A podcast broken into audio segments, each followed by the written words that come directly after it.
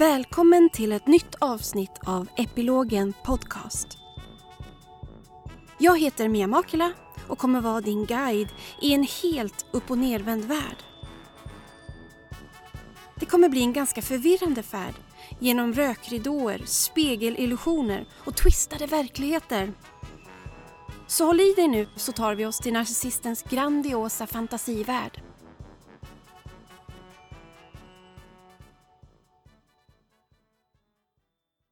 Vi befinner oss nu i en helt annan dimension av verkligheten. Och innan vi börjar utforska narcissistens upp och nervända värld är det bra att påminna om att narcissisten kan vara vem som helst som du har en nära relation med. Men i det här avsnittet kommer jag att tala om en narcissistisk kärlekspartner och kommer för enkelhetens skull att använda mitt eget genusperspektiv och säga han om förövaren och hon om offret i en heterosexuell relation. Men du kan bara fylla i och byta ut mot det som passar just dig och din situation. Det är också viktigt att tillägga att inte alla misshandlare och våldsamma människor är just narcissister. Absolut inte. Men de uppvisar ett mönster som går igen inom de flesta destruktiva relationer. Därför har jag valt att tala om patologisk narcissism istället för till exempel psykopater och sociopater som är snäppet grövre i sina motiv och utförande av skadliga handlingar. Begreppet narcissistisk misshandel, eller det som på engelska kallas för narcissistic abuse, är nästan helt okänt här i Sverige. Men det finns massor av bra information där ute på Google och på Youtube. Om du väljer att följa den här podden kommer du få många tips på bra professorer, psykologer och coacher att följa i kommande avsnitt. Och Det är också viktigt att nämna att etiketten narcissist sätter ofta överlevaren själv på sin förövare i efterhand. När hon fått kunskap om mönstret inom narcissistisk misshandel och ser hur det stämmer överens med det hon upplevt. Egentligen är det rätt oviktigt vad som är fel på förövaren och vilken diagnos han har eller inte.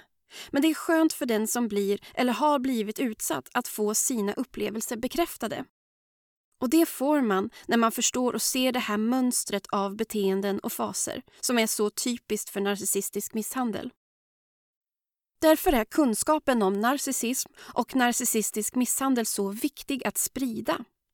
Även om ens förövare är diagnostiserad som narcissist eller inte. Och det kommer han troligtvis heller aldrig bli. Narcissister saknar förmåga till självrannsakan och gör att han aldrig kommer förändras. För han vill inte förändras. Därför är det skönt för den som blir utsatt eller har blivit utsatt att få svar på frågor man aldrig skulle kunna ställa direkt till sin förövare. Och det får man genom kunskap och förståelse. Man ska såklart vara försiktig med att diagnostisera andra människor. Det är inte vår plats att göra. Därför kan man istället tala om att en person har narcissistiska drag eller tendenser. Vi slösar också rätt bra med etiketten narcissist och klistrar på det på människor som vi tycker beter sig uppblåst och illa i största allmänhet. Det vattnar ut förståelsen för äkta sjuklig narcissism. Samma sak gäller trendordet empat och att kalla sig empat som en motsats till narcissism. Empat är då förkortning på ordet empatisk. Världens främsta expert på patologisk narcissism, Sam Vaknin, som vi kommer återkomma till i slutet av avsnittet, har uppmärksammat detta fenomen och jag håller med honom. Det finns inga empater, men det finns människor med förmåga att känna stor empati för andra människor och att kunna leva sig in i andras upplevelser och känslor. Dessa kvaliteter är vanligt för människor som dras till just narcissister och uppvisar ofta högkänslighet, det vill säga HSP. Men empat som faktiskt begrepp finns inte inte mer än online, där människor beskriver sig som överjordiskt goda offer för narcissister och använder begreppet för att rättfärdiga eventuell hämnd eller upprättelse. Som ena sidan av ett krig, typ empater mot narcissister och tvärtom. Det är fel väg att gå, enligt mig. Empati är empati. Det skapar inte en identitet. På samma sätt som att ha ett bra sinne för humor inte definierar vår hela identitet. Narcissist är inte ett skällsord man kan slänga med hur som helst och empat är inte det som förenar de som blir utsatta som ett slags släkte av goda feer eller starka krigare som blivit sårade i strid. Den som blir utsatt har istället ofta en bakgrund av villkorad kärlek i barndomen eller högkänslighet och i det ingår att man har svårt att dra gränser runt sig och har en alldeles för stor tolerans för andras skadliga beteende. Det är faktiskt även vanligt att narcissister använder ordet empat om sig själva som en mask av extrem moralisk godhet och överlägsenhet i empatisk förmåga. Av alla dessa anledningar kommer jag därför inte använda ordet empat i den här podden. Att tala om vi och dem är aldrig en bra idé. Förståelse, medvetenhet och kunskap kan istället göra riktigt goda förändringar både för oss själva och för världen i stort. Hur som helst, svenskar talar inte så mycket om narcissism utan pratar oftare om förövare som psykopater eller som sagofigurer, det vill säga som monster, odjur eller demoner. Nog för att narcissistens värld är en enda stor fantasi men jag tycker vi andra kan hålla oss till verkligheten och använda faktiska termer. Så därför börjar vi helt enkelt detta äventyr med att sätta oss i skolbänken. Kom in i klassrummet. Välkommen till Narcissistskolan. Dagens lektion är faktiskt ganska basic. Vad är narcissism? Alla har vi narcissistiska drag. Inom psykologin talar man om två former av narcissism. En hälsosam narcissism som betyder att man är bekväm i sig själv och kan se till sitt eget bästa så att man inte far illa men alltid då på ett sätt som inte skadar andra. Och så en patologisk sjuklig narcissism som handlar mer om en omfattande empatistörning och en falsk, uppblåst och förbättrad självbild som narcissisten vill upprätthålla till vilket pris som helst. Det är just detta som gör det omöjligt för narcissisten att ingå i friska relationer.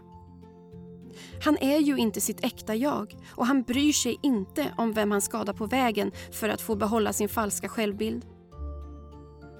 Vi kommer prata mer om varför han har blivit så här lite senare. Narcissistisk personlighetsstörning, eller NPD, ingår i kluster B personlighetsstörningar tillsammans med bland annat borderline personlighetsstörning och antisociala personlighetsstörningar. För att diagnostisera narcissistisk personlighetsstörning måste följande diagnoskriterier uppfyllas från DSM, det vill säga femte och senaste upplagan av diagnosmanualen. Jag har kokat ihop diagnoskriterierna och förenklat en aning så att de inte ska låta så jäkla torra. Men originalstycket finns att läsa på vuxnabarn.nu. För övrigt en väldigt bra sida om narcissism. Individen har en stor nedsättning av personlighetsfunktionen. Det vill säga att han känner sig ogrundad i känslan av jaget. Individen är omåttligt beroende av andra för självdefiniering och reglering av självkänslan. Antingen med en överdriven självuppskattning och uppblåsthet eller att känna sig nedslagen och punkterad. Och han kan svänga mellan extremer. Och här lägger jag till, det vill säga att känna sig antingen bäst, starkast och smartast eller sämst, svagast och dummast. Som om de ständigt befinner sig på en värdeskala i sociala sammanhang. Individen har en nedsatt förmåga att känna empati för andra människor eller förstå andras känslor och behov men är överdrivet lyhörd för andra människors reaktioner men bara om andras reaktioner uppfattas som relevanta för individen själv. En ömsesidighet blir ju omöjlig då han nästan inte har något genuint intresse för andras upplevelser. Han söker alltid främst personlig vinning. Relationer är därför i princip alltid ytliga och bara till för att reglera självkänslan. Individen har som mål att få andras godkännande och har orimligt höga krav på sig själv i syfte att kunna se sig själv som exceptionell eller för låga krav till följd av en orimlig känsla av särskilt berättigande. De är ofta omedvetna om sina egna motiv. Och Här lägger jag till att det alltså inte är alla narcissister som skadar andra människor medvetet. Även fast de i efterhand förstår att de har agerat fel så gör empatistörningen det svårt för dem att förstå vilken skada de faktiskt orsakat den som blivit utsatt. Då tycker narcissisten att den utsatta överdriver, attackerar och anklagar när hon ifrågasätter hans skadliga beteende. Narcissisten anser också att han har haft skäl till att bete sig som han har gjort. Han tycker sig blivit provocerad och därmed berättigad att reagera med vrede eller någon form av våld. Individen uppvisar patologiska personlighetsdrag som karaktäriseras av grandiositet och känslor av särskilt berättigande, antingen öppet eller dolt. En självcentrering och en fast tro att man är bättre än andra och kan därför vara och låta nedlåtande mot andra.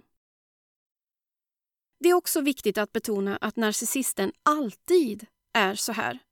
Det går inte att ändra på honom och han är inte annorlunda i perioder. Och han är inte under påverkan av yttre omständigheter som till exempel stress, kulturskillnader eller inre påverkan som droger eller fysiska orsaker som hjärnskador. Det finns två typer av patologisk narcissism. Öppen narcissism, eller overt narcissism på engelska.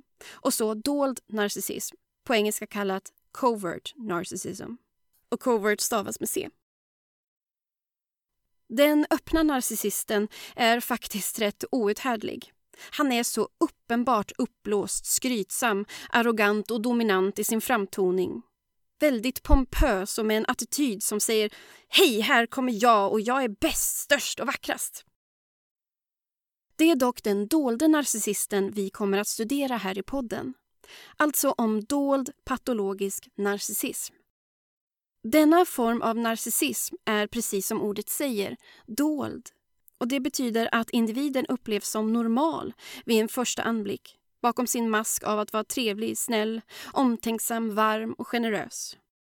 Men han kan även vara mycket antisocial, tillbakadragen och till och med upplevas som blyg.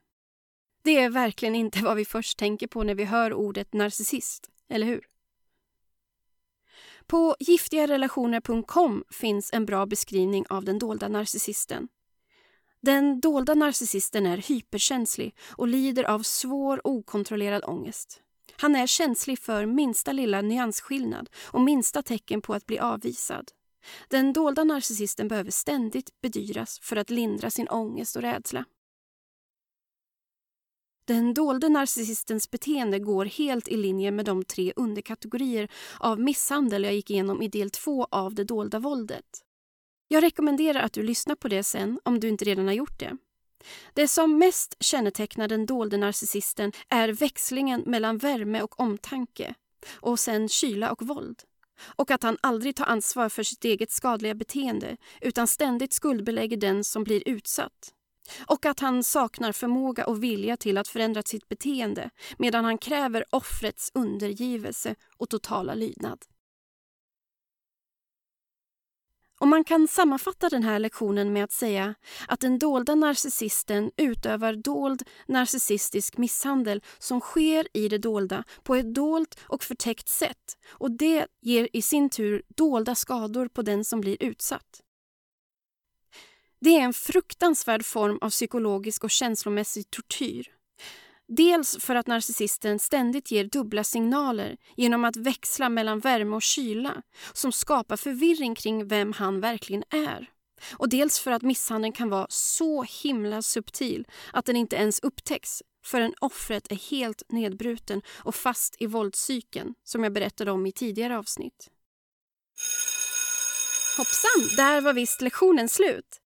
Vi tar oss vidare i narcissistens värld eller rättare sagt till den verkliga världen en stund. Häng med!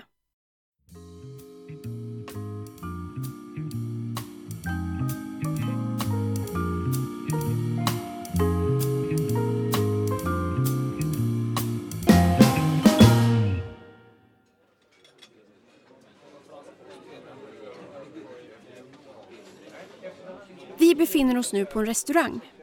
Det är sent, det är ganska fullsatt mysig stämning och dunkel belysning. Längst in i restaurangen sitter två personer vid ett bord. Det är Lena och Martin som är på sin första dejt. Han är en dold narcissist Men det vet varken han själv eller hon. Hon är en person med förmåga att verkligen känna empati och har hög emotionell intelligens men vill ofta vara alla till lags. Hon ställer stora krav på sig själv. Det har hon fått från sin barndom där kärleken alltid varit villkorad men det har hon aldrig kunnat se. När hon har varit duktig har hon alltid fått kärlek och värme från sina föräldrar. Men när hon har känt sig sårbar eller känslomässigt behövande har de aldrig riktigt funnits där. Hon har istället fått utlopp för det genom sin fantasi och kreativa sida. Och han, han är så charmig. Han tar henne med storm. Hon känner sig redan sedd av honom. Han frågar mycket och är engagerad i allt hon säger och gör. Hon vet inte vad det är, men han är som en magnet. De har så mycket gemensamt. Hon tycker nästan det är lite läskigt. Han känns redan som hennes tvillingsjäl och det får henne att öppna sig lite extra mycket för honom. Hon berättar saker som gör henne sårbar men hon känner sig inte sårbar i hans sällskap. Hon känner sig hemma. Det är en lyckad dejt. De träffas igen. Det blir intensivt. Det är som om någon har tänt eld på hela hennes hjärta. Hela hennes värld står i brand. Det är en oerhörd passion. Han är helt fantastisk. Det är bästa som hänt henne. Han skryter om henne till sina vänner. Han säger ofta att han avgudar henne. Hon känner sig självlysande inför honom. Det är nästan som att hon blir förälskad i sig själv genom honom. Och de älskar på ett sätt som hon aldrig trodde var möjligt. Det sprakar nästan om dem när de utforskar varandra. Allt går så snabbt. Lena och Martin flyttar ihop efter bara tre veckor. Helt galet, men det känns så jävla rätt. Hon upptäcker att han har en väldigt känslig sida. Ibland kan han bli lite stött, liksom för ingenting. Hon ser nästan ett sårat barn i honom. Han har berättat om sin mamma som var så dominant och krävande. Tur att hon själv är tvärtom, så varm, öppen och förlåtande. Det har gått ett tag nu. De har hunnit gifta sig, flytta till ett hus lite utanför stan. Hon vill ha barn, men han säger att han inte är riktigt redo än. Han har blivit lite frånvarande. Han hänger allt mer med polarna efter jobbet, glömmer att smsa så hon får tjata på honom om saker som han ska komma ihåg att fixa på vägen hem. Han tycker hon domderar och är kontrollerande. Eftersom de var helt inne i sin egen lilla kärleksbubbla under det första året har hon tappat kontakten med många vänner. Det är ofta bara han och hon och ibland känner hon sig lite ensam. Ytterligare en tid har gått. Hon har mer och mer upptäckt att han har ett sånt fasligt humör. Han kan plötsligt säga så taskiga saker, saker som träffar hennes mest ömma punkter. Ibland är det som han blir en annan människa. Kontrollerande, ja, till och med hotfull. Det skrämmer henne alltid när det händer, men hon fokuserar på allt som är bra. Hon vet ju hur fin han kan vara. De har ett sånt starkt band. Fast eh, de har inte haft sex på ett tag nu och hon undrar om han är trött på henne. Han säger heller inte att han älskar henne lika ofta nu som förr. Och när de grälar så får han det alltid till att allt är hennes fel. Att hon ställer för många krav på honom och att hon bara fokuserar på problemen och ser inte allt bra han gör för henne. Hon får så himla dåligt samvete över det. Ytterligare en tid har gått. Lena känner sig så känslomässigt trött och förvirrad av alla upp och nedgångar i relationen till Martin. Hon har så många frågor men varje gång hon försöker ta upp det med honom så går diskussionen liksom bara runt i cirklar. Och ibland blir han rasande. Förra veckan slog han till och med näven i en skåpslucka i köket så det blev ett stort avtryck. Då blev hon riktigt rädd. Men för det mesta lämnar han rummet och vägrar prata mer när hon försöker prata med honom om hans humör. Hon önskar att hon kunde få svar på sina frågor men vet inte hur hon ska kunna nå fram till honom. Men vad är det för svar hon vill ha? Hon vet inte riktigt själv. Hon är bara så förvirrad av hans ständiga växling mellan att vara varm och sen kall. Att vara närvarande och glad när de gör saker tillsammans och sen agera helt oengagerat och likgiltigt när de gör något som bara hon tycker om och som han inte är särskilt intresserad av. Men vill Lena verkligen ha svar på sina frågor? För vi vet ju redan att narcissisten inte är sitt äkta jag i relationen och att han gör allt för att få behålla sin falska självbild. Så skulle han verkligen avslöja de äkta svaren på hennes frågor? Och vad skulle hända om hon fick äkta svar på sina frågor? Oj, äh, vänta, vad är det som händer nu? Jaha? Välkommen till Narcissistisk Quizshow! Men vad är det som händer? Om du är tyst så kan jag förklara. Jaha, okej, okay, okej. Okay. Jag är er quizmaster och detta är frågor du tror att du vill ha svar på men egentligen inte vill ha svar på. En narcissistisk frågesport där allt är på narcissistens villkor och regler.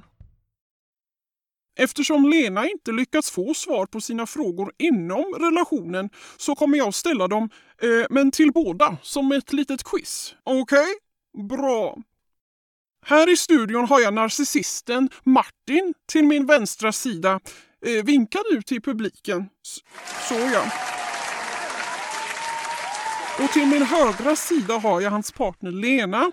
Ja, hon kan vinka nu också. Så där ja. Martin tutar med den här signalen när han vill svara på mina frågor.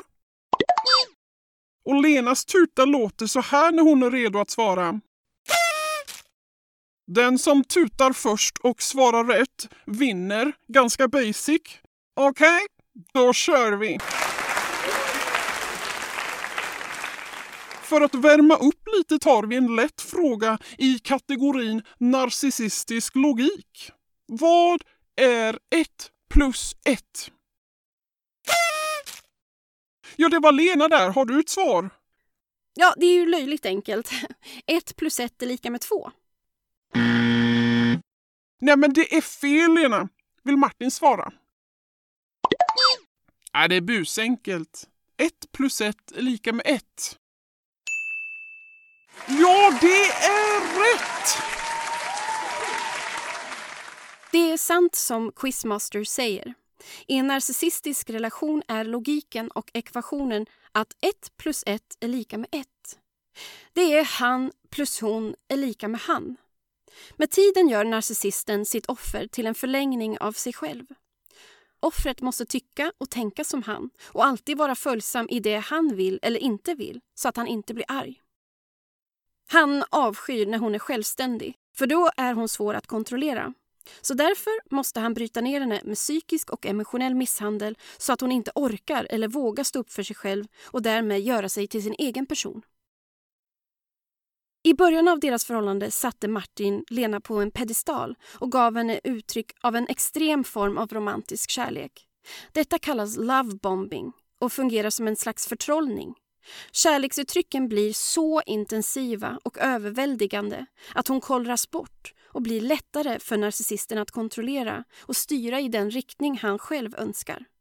Detta sker i den första fasen av narcissistisk misshandel som kallas idealiseringsfasen. Jag har baserat stor del av min research på Sam Vaknin som jag nämnde tidigare. Han är professor i psykologi, författare och ledande röst inom den internationella forskningen om narcissistisk personlighetsstörning. Hans forskning är extra intressant då han själv är diagnostiserad med narcissistisk personlighetsstörning.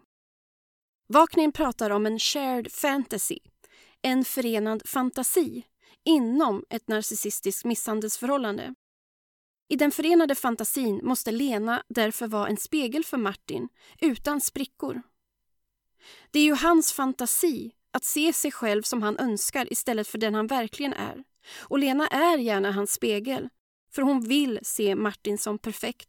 Den perfekta partnern och tvillingsjälen eftersom hon själv alltid bara fått villkorad kärlek av andra. Så den förenade fantasin är faktiskt som en gemensam psykos. Men sen när han inser att hon faktiskt är en människa med egen vilja, egna insikter och åsikter och när hon visar upp spegeln av hans äkta ansikte faller hon av hans piedestal med en hård duns. Fantasibubblan har då spruckit. Nej, men vi måste fortsätta nu. Nu tar vi den andra frågan. Är ni redo? Bra. Eh, frågan är då, vilka tre saker är det enda som narcissisten egentligen vill ha av sin partner? Ja, Lena, har du ett svar där? Ja, det har jag och det var lätt. Kärlek, intimitet, närhet. Det är ju i alla fall vad jag vill ha. Det är tyvärr fel, Lena. Martin, vill du svara där? Eh, alltså, det jag helst vill ha är påfyllnad av bekräftelse av min falska självbild.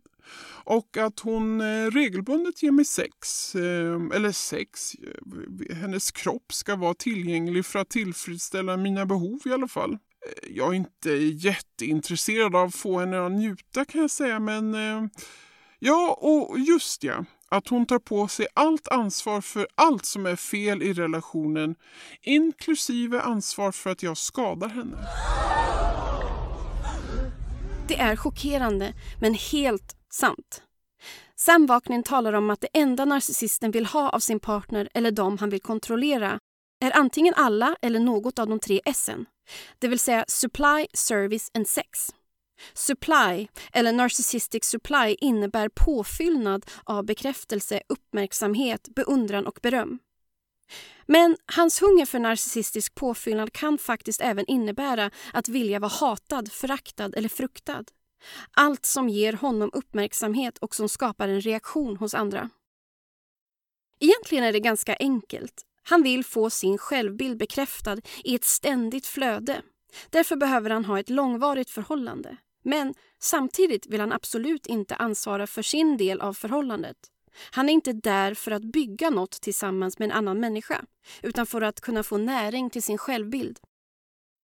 Eftersom hans självbild är ren perfektion och att han endast förtjänar allt som är perfekt. Och han har ju upptäckt att hon är en människa nu och blivit besviken på att hon inte är perfekt. Hon står nu inte längre på hans pedestal så föraktar han henne och måste straffa henne för detta svek och denna besvikelse.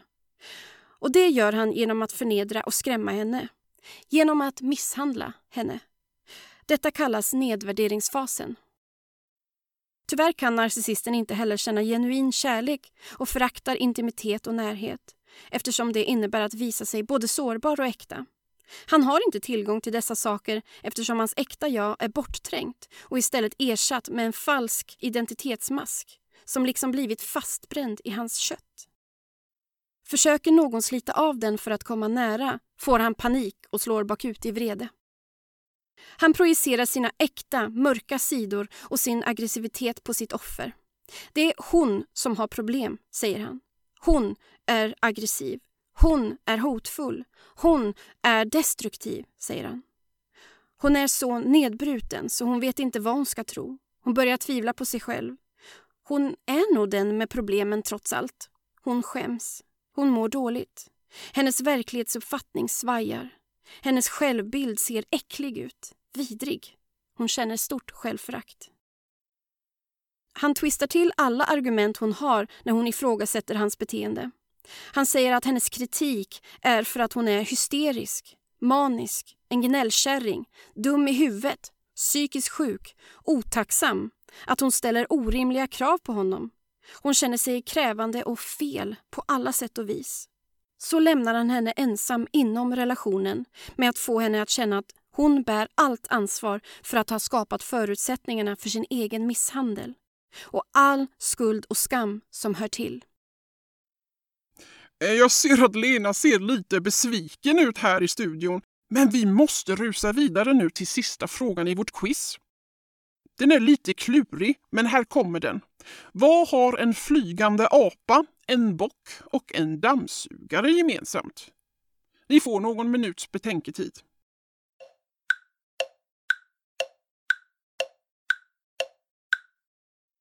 Och där gick tiden ut. Ingen som lyckades komma på ett svar. Nej, nej, då får jag svara då. Den flygande apan, bocken och dammsugaren är alla en del av den sista fasen av ett förhållande med en narcissist. Mia, vill du förklara för dem? Jag ska förklara. Lena har nu fått nog av den skadliga relationen med Martin och beslutar sig för att lämna honom. Speciellt nu när hon har fått ganska otrevliga svar på sina frågor. Det är då vanligt att narcissisten försöker suga tillbaka offret in i relationen igen. Tillbaka in i dödsdansen av växlingen mellan värme och kyla. Växlingen av förnedring och psykiskt våld och stunder av lugn och harmoni. Martin lurar som en dammsugare över Lena och tar varje chans han får att suga henne tillbaka in. Det är så svårt för henne att motstå hans sugkraft. Han visar upp sitt allra bästa jag. Han visar äkta förbättring, riktig förändring. Men det är bara en manipulation. Martin är desperat att få tillbaka sin källa av narcissistisk påfyllnad. Han vet inte vem han är utan henne. Han vet inte vad som är äkta med sig själv. Han måste få spegla sig i hennes kärlek och beundran. Och Lena vet inte längre i sin tur vem hon är. Hon har tappat bort sig själv inom deras relation. Hon har förlorat många vänner, hon har tappat bort sina intressen och sin lust för det hon brukade tycka om. Martin och deras förhållande är det enda som känns som hemma. Fast hon mår inte alls bra av hans beteende. Hon vet att nu måste hon vara stark och inte låta sig sugas in. Men det kanske hon ändå gör. Hon sugs in igen, men lämnar igen.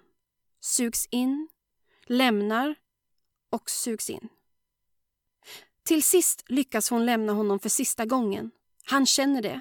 Då släpper han dammsugaren i sista fasen av narcissistisk misshandel som kallas övergivandefasen. Han vet att Lena inte längre kan ge honom påfyllnad och då är hon helt ointressant för honom. Han säger till henne i förakt. Ha ett bra liv. Ingen kommer vilja ha en sån sjuk och patetisk människa som du. Nu blir det istället viktigt för honom att få behålla sin falska självbild utanför relationen. Hans goda rykte står på spel, för nu är hon ett vittne till hans äkta sidor, hans mörka sidor. Och hon går lös i världen och kan tala om det för andra. Nu måste han agera snabbt. Han twistar till sanningen om vad som skett och lappar och lagar i berättelsen om varför hon valde att lämna honom för gott. Han säger att allt är hennes fel. Hon är sjuk, galen, dum i huvudet, en lögnare. Han gör henne till en syndabock för allt som har gått fel och allt han har gjort mot henne och gör sig själv till offerlammet som blivit offrad för hennes själviskhet och grymhet.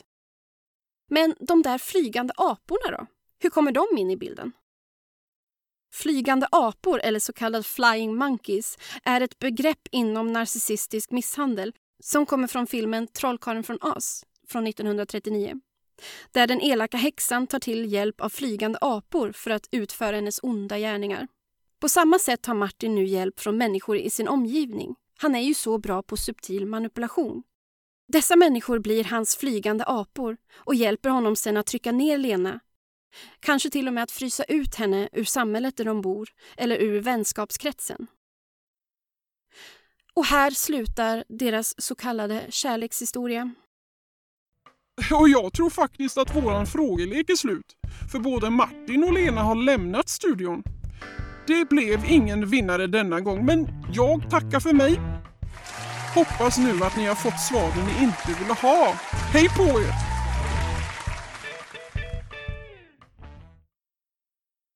Lena ville nog inte ha dessa svar medan hon fortfarande befann sig i relationen. Det är förödande, så hon tog till ett slags självbedrägeri för att inte se dem. Hon förnekade alla hintar om dem. Men när hon väl tog sig ur är dessa svar istället stärkande och hjälper henne att läka.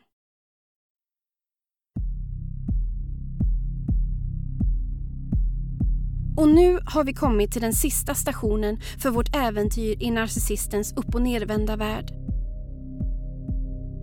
Det har hunnit bli mörkt nu. Förvirrande dimmigt, lömskt och mörkt. Välkommen till Bakom rökridåerna. Låt oss nu ta oss till det mörka hålet i narcissistens själ. Den döljer sig långt innanför alla rökridåer, spegelhallar och förvridna verklighetsuppfattningar. Ingen får lov att komma in där. Inte ens narcissisten själv. Så vad döljer sig egentligen bakom hans mask? Som han kämpar så oerhört hårt för att få behålla och tvingar andra att spegla åt honom. Enligt Sam Vaknin handlar allt faktiskt om ett slags identitetssjälvmord som sker ganska tidigt i barndomen. Det låter hemskt och det är det också. Vaknin säger att narcissisten själv har blivit utsatt för psykologisk och emotionell misshandel som barn och kanske även andra former av en narcissistisk eller skadlig förälder och att den andra föräldern misslyckats med att rädda honom från misshandeln genom att vara passiv. Så för att överleva förtränger barnet sin identitet så att han kan tillfredsställa sin stränga förälder med en mask av perfektion och falsk styrka en hårdhet som cementerat in hans äkta jag så att det har blivit begravet under den hårda cementytan.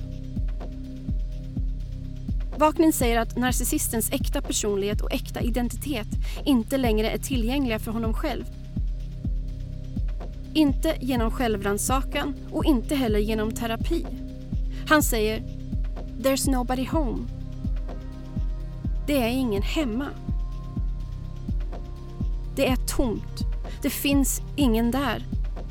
Det finns inget som är äkta. Det är ett mörkt hål av ett ingenting. Eftersom narcissisten lever med en falsk identitet inom relationen så är faktiskt misshandelsögonblicken, det vill säga hans psykiska och emotionella våld, blandat med eventuella andra våldsformer, det enda som är äkta och på riktigt inom relationen. När narcissistens mask glider av och han visar upp sin verkliga natur av förakt, hat och aggressivitet är det stunder av äkthet. Det är så han ser sig själv och det orkar han inte möta.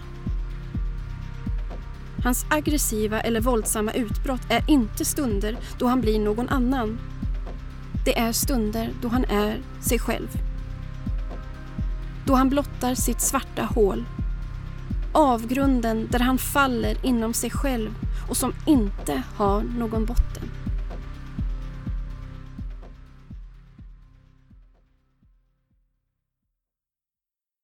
När vi lämnar narcissistens värld är det med blandade känslor. Det vi främst kan se är att våld föder våld. Våld som går i arv fortsätter att gå i arv. Empatilöshet föder bara ännu mer empatilöshet. Att orsaka trauman kan göra att den traumatiserade fortsätter att skapa trauma hos andra. Samma sak är det ju med många som blir utsatta för narcissistisk misshandel. De har i sin tur kanske inte fått villkorslös kärlek i sin uppväxt utan fått lära sig att vara följsamma kring en förövare och förtränga bort sina egna känslor och behov. Och att acceptera att bli utsatta för dold eller öppen misshandel. Kanske ärver man från sin barndom en tendens att leta efter kärleken hos förövare. Så mötet mellan en empatistörd och en empatisk person är den perfekta stormen. Som en otäck kemisk reaktion som inte kan sluta i något annat än en katastrof. Det är lätt att i efterhand önska dålig karma. Men i de stunderna så tänker jag på hur hemskt det måste vara att ha ett stort mörkt hål i själen det är egentligen en stor tragedi. Men det är ändå inte mitt eller ditt ansvar att fylla narcissistens själahål med vår egen själ tills den i sin tur är helt utplånad. Det är inte ditt ansvar att rädda narcissisten från sig själv. Och det är inte ditt ansvar att vara en mänsklig spegel för narcissisten att spegla sig i så att han kan få behålla sin falska självbild medan han visar dig en mörk och sprucken spegel där din reflektion är helt twistad och förvriden.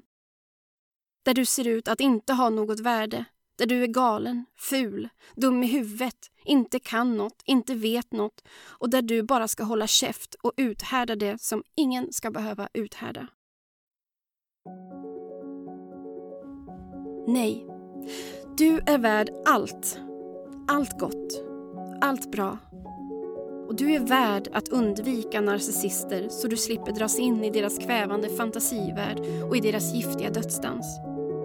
Och vi som faktiskt har förmåga att känna empati får först lära oss att använda den på oss själva innan vi fortsätter sprida kärlek, omtanke och förståelse till andra. När vi lär oss att älska oss själva kommer vi kunna bli bättre på att veta var vi ska lägga vår empati och vår kärlek så att den faktiskt sätter spår i världen och inte bara slukas in i ett svart hål. När vi lär oss det har vi alla chans att hjälpa till att få den här världen att bli en bättre plats att leva på. Och kom ihåg, mer kärlek och empati till våra barn betyder i slutändan mindre narcissister på jorden. Sån jäkla win-win.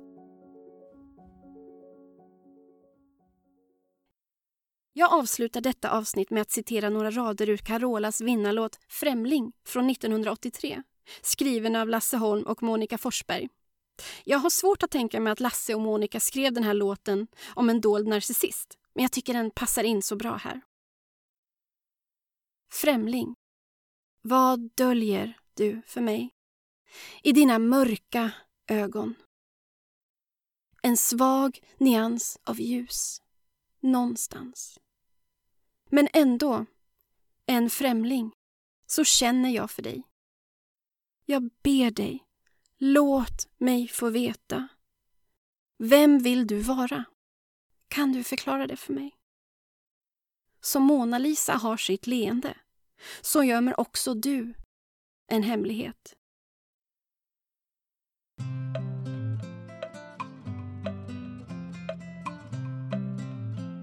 Jag heter Mia Makela och det här är Epilogen Podcast. Tusen tack till dig som lyssnat. Dela gärna den här podden för att fortsätta sprida kunskap om narcissism och narcissistisk misshandel. Epilogen Podcast finns både på Facebook och Instagram. Där kan du få en liten heads-up när ett nytt avsnitt är på gång. Om du vill dela med dig av din berättelse, din epilog eller bara vill ge lite feedback, mejla på epilogenpodcastsgmail.com Musiken i avsnittet är poddsäker. Mer info om vilka låtar finns i avsnittsbeskrivningen. Ta hand om er.